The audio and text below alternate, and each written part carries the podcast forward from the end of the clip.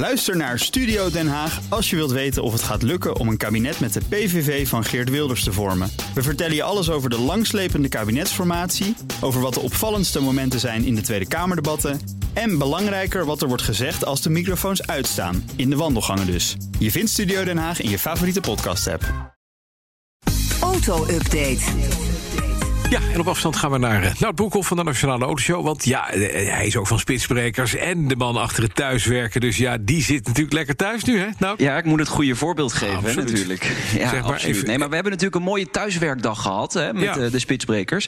Dus eh, wat dat betreft zijn we wel, hebben we dat wel goed geoefend al. ja, ik zit in de studio, dat klopt. Zeg, het coronavirus, laten we het daarover hebben. Want dat, is, eh, dat waart rond en dat treft nu ook de auto-industrie. Wat heb jij voor laatste nieuws? Mm, Lamborghini heeft de productie stilgelegd. Dat meldt eh, Automotive News Europe. Eh, die fabriek ligt in de buurt van Bologna. en die gaat dus dicht. Waarschijnlijk tot 25 maart. Dus een tijdelijke maatregel. Maar ja, je weet ook, Italië is ja, zwaar getroffen door dit virus. De fabrieken zouden in eerste instantie wel open blijven. Maar zegt de CEO eh, van Lamborghini: dit is een buitengewone situatie. De vraag naar auto's neemt ook af. Hè. China is op één na grootste markt voor Lamborghini. Dus heeft hij beslist dat op dit moment geen auto's meer worden gebouwd. Maar, nou, dat gaat wel gevolgen hebben, ook voor de autosector, voor de toeleveranciers met name. De, de vooruitzichten zijn niet best, laten we het zo eh, eh, omschrijven. Wereldwijde verkoop van nieuwe auto's zal sterker teruglopen dan eerder verwacht werd. Daarvoor waarschuwt Global Data, dat is een eh, groot data- en analysebedrijf. Hè. Gerekend was, was op een afname dit jaar sowieso van 2%. Ja. Maar door dat coronavirus wordt het ja, eerder 10%. Ja, en dat gaat natuurlijk wel pijn doen. Eh, niet alleen voor de autofabrikanten, maar inderdaad wat jij ook zegt, voor de toeleveranciers. Hè? Eh, de bedrijven die de auto-onderdelen moeten maken en leveren.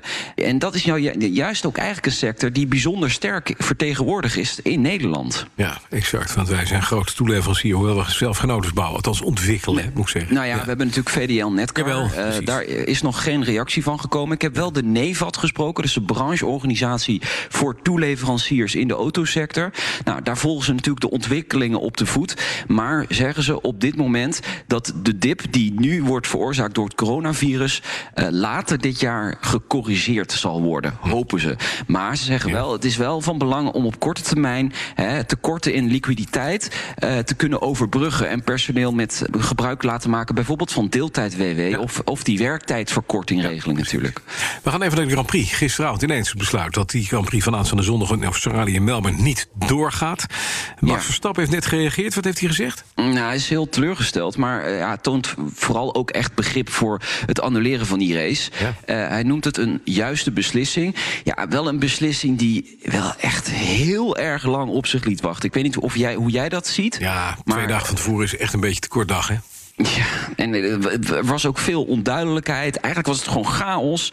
Eh, er waren geruchten. Het gaat wel door, het gaat niet door. De ene eh, BBC zegt het gaat door, Sky News zegt het gaat niet door. Ik vind het een beetje toch wel mismanagement van de Formule 1-organisatie, als ik dat mag zeggen. Maar ik ik denk dat het een financiële reden heeft, eh, Nout. Dat ze gewoon hebben gedacht... Dat denk ik ook. Wie kunnen wij de rekening laten betalen?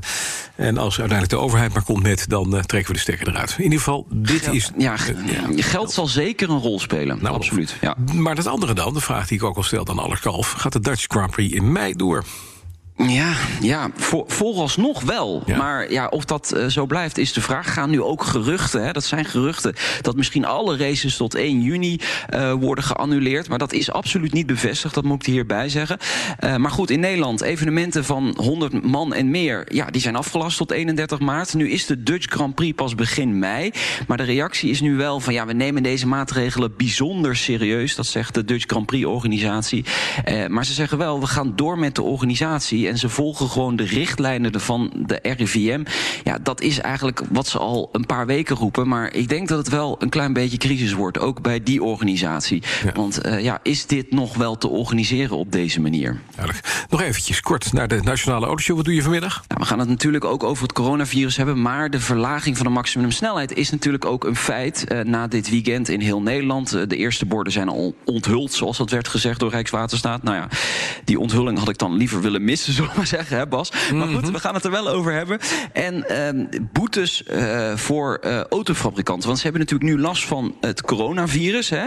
Maar uh, ja, ze moeten gewoon wel minderen in CO2-uitstoot met nieuwe modellen.